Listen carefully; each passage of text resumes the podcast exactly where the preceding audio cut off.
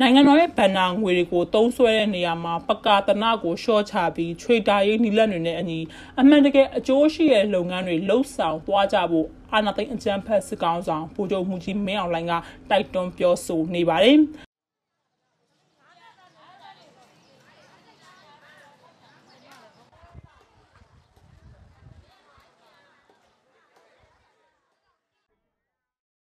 စက်တင်ဘာလ9ရက်နေ့နေပြည်တော်မှာကျင်းပတဲ့အာနာသိန်းစစ်ကောင်စီလက်အောက်ခံအိမ်ဆောင်အစိုးရဖွဲ့အစည်းအဝေးမှာပြောဆိုသွားတာပါ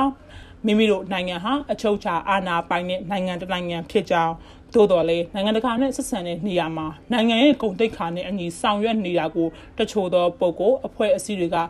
မျက်ကွယ်ပြူဆောင်ရွက်နေကြောင်းပြည်ပနိုင်ငံတွေနဲ့နယ်နိမိတ်ထိစပ်နေတဲ့တိုင်းနယ်ပြည်နယ်ကတာဝန်ရှိသူတွေအနေနဲ့နေဆက်ဒေတာဆက်ဆံရေးနဲ့ပတ်သက်ပြီးနိုင်ငံတော်ရဲ့ဂုဏ်သိက္ခာထိန်းသိမ်းပြီးနိုင်ငံတကာဂတိကဝတ်သဘောတူညီမှုနဲ့အညီပြောဆိုပြုမှုဆောင်ရွက်ဖို့နဲ့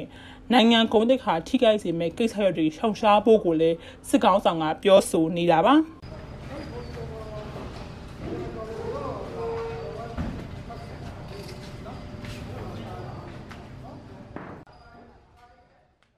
ကိုဗစ် -19 ကာကွယ်ဆေးနဲ့ရှားပစ္စည်းတွေဝယ်ယူတာနဲ့ပတ်သက်လို့အမေရိကန်ဒေါ်လာတန်ပေါင်း169တန်အကုန်ကြခံဝယ်ယူခဲ့တယ်လို့ဆိုထားပြီးစေယုံစီကံပြုပြင်တာ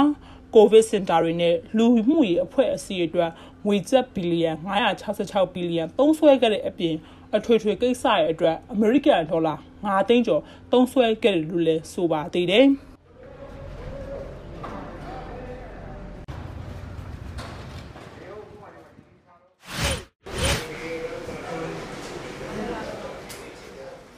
စက်တင်ဘာလ9ရက်အမျိုးသားညီညွတ်ရေးအစိုးရဘက်ကအရေးပေါ်အခြေအနေကြေညာချက်ဆိုပြီးထွက်ရှိလာခဲ့ပြီးရဲ့နောက်ပိုင်းမှာရန်ကုန်ရွှေစေကွက်မှာအခောက်ရွှေတစ်ချက်သားကကျပ်18သိန်း1000နဲ့ရွှေသမိုင်းတစ်လျှောက်မှာစံချိန်တင်အမြင့်ဆုံးကိုရောက်ရှိခဲ့ပါတယ်။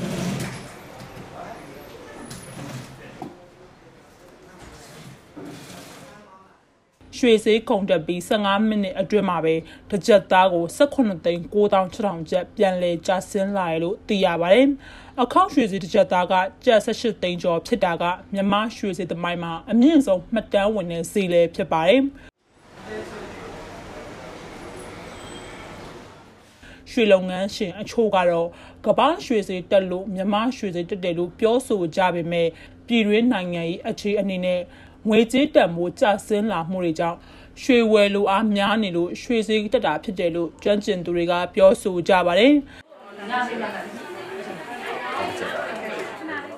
ပြည်ရင်းရွှေဈေးကအမေရိကန်ဒေါ်လာငွေဈေးနဲ့ကမ္ဘာရွှေဈေးပေါ်မှာအဓိကမှီတည်ပြီးပြည်ရင်းငွေတန်ဖိုးကျဆင်းတဲ့အခါမှာရွှေမာယင်းနှိမ့်နှံမှုပိုလုပ်တာနဲ့လက်ရှိရွှေဈေးကွက်အတွင်းမှာရွှေအဝင်နှဲမှုတွေကလည်းရွှေဈေးမြင့်တက်စေတဲ့အဓိကအချက်တွေဖြစ်ပါတယ်။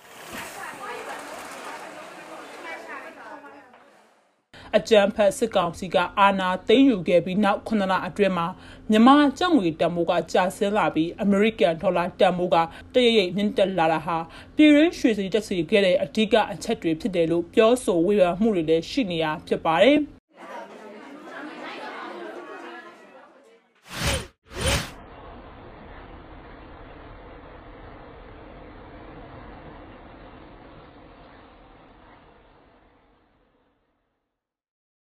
ပြည်တွင်းမှာအခုစက်တင်ဘာလဆန်းကစပြီးတကြားဆေးစံချိန်တင်မြင့်တက်လာတာဟာမနှစ်တုန်းကကြံစည်မကောင်းတာရာသီဥတုမကောင်းတာတွေကြောင့်စိုက်ပျိုးမှုတွေရော့ကျပြီးတကြားအထွက်နှုန်းတန်ချိန်တသိန်းနီးပါးရော့ကျခဲ့ရကြောင်းဖြစ်တယ်လို့မန္တလေးတကြားနဲ့တခါကြီးလုပ်ငန်းရှင်အသင်းကနေသိရပါတယ်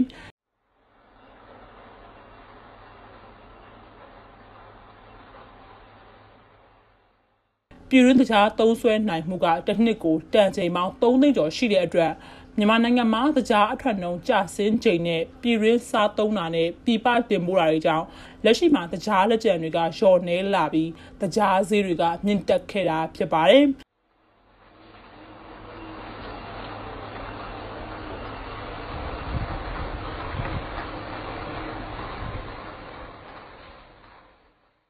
လာမယ့်ကြာရာသီပေါ်ချိန်မှာအထွတ်နှုံးကျဆင်းခဲ့လို့ပြည်ရင်းတကြားလိုအပ်ချက်တွေရှိလာခဲ့ရင်ပြည်ပကနေဝင်လာတဲ့တကြားတွေကရှိလာမှာဖြစ်တယ်လို့သိရပါတယ်။ဒါဟာပြည်ရင်းတကြားဈေးကွက်ပြက်နိုင်တယ်လို့ကြံတောင်သူတွေကလည်းစိုက်ပျိုးစိတ်ပါမကမိနိုင်တဲ့အခက်အခဲတွေကြုံတွေ့နိုင်တယ်လို့တရားကုန်တွေကပြောဆိုကြပါတယ်။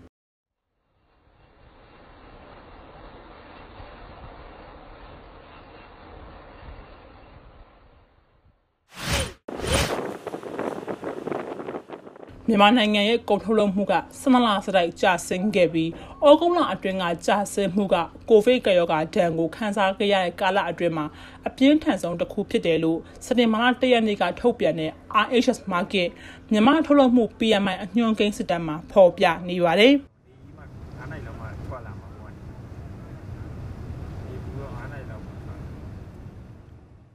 မြန်မာထုတ်လုပ်မှု PMI အညွှန်းကိန်းကဇူလိုင်လမှာ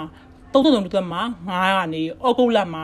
36တက်မှ9ကိုမြင့်တက်သွားတာကထုတ်လုပ်မှုအခြေအနေတွေက12လကစတိုက်ကျဆင်းနေတာကိုဖော်ပြနေတာပါ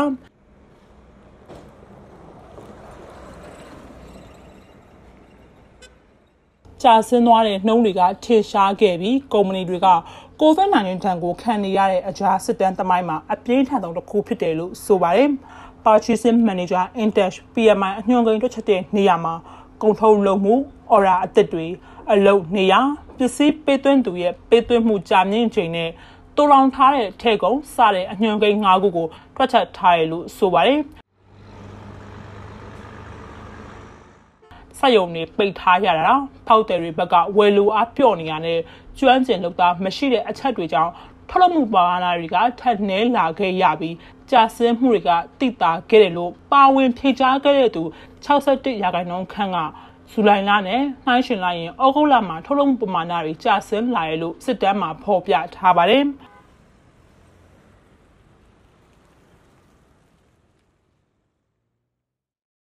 ကုန်ကျန်းရှားပါမှုနဲ့အမေရိကန်ဒေါ်လာငွေလဲနှုန်းမတည်ငြိမ်မှုတွေကြောင့် မြန်မာနိုင်ငံအတွင်းမှာထုတ်လုပ်သူတွေရဲ့ကုန်ကျစရိတ်တွေကပိုမြင့်တက်လာခဲ့ရတယ်လို့လည်းဖော်ပြထားပါတယ်။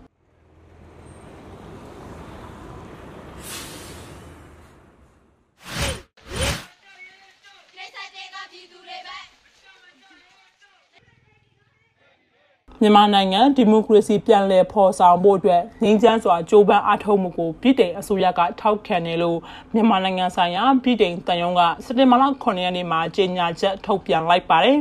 စစ်အာဏာသိမ်းမှုနဲ့လူမဆန်တဲ့လှုပ်ရက်တွေကိုအပြင်းအထန်ရှုံချရလို့လေကျညာချက်ထဲမှာဖော်ပြပြီးသက်ဆိုင်ရာအဖွဲ့အစည်းတွေအားလုံးတွဲဆုံဆွေးနွေးကြဖို့ကိုလည်းတိုက်တွန်းထားပါတယ် နောက်ထပ်ဖြစ်ပွားမဲ့ပရိပခတွေကထိခိုက်လွယ်သူတွေ COVID-19 ဆိုင်ရာကျန်းမာရေးဆောက်ရှောက်မှုနဲ့လူသားချင်းစာနာထောက်ထားမှုဆိုင်ရာအကူအညီပေးနိုင်တဲ့တို့အပေါ်မှာထိခိုက်နစ်နာစေနိုင်လိမ့်မယ်လို့လည်းကြေညာချက်ထဲမှာဖော်ပြထားပါတယ်။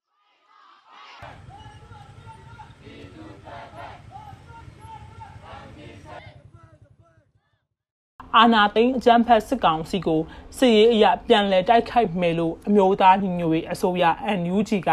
စက်တင်ဘာလ9ရက်နေ့ကကြေညာခဲ့ပါတယ်။လက်ရှိနိုင်ငံရေးအခြေအနေကစစ်ရေးနဲ့ပြန်ဖြေရှင်းရမယ့်အခြေအနေတွေဖြစ်နေတဲ့အတွက်ဒီဆုံးဖြတ်ချက်ကိုနိုင်ငံတကာအတိုင်းအဝိုင်းကနားလည်ပေးနိုင်လိမ့်မယ်လို့ယုံကြည်တာကိုလည်း NUG ရဲ့ယာယီသမရကပြောဆိုထားတာဖြစ်ပါတယ်။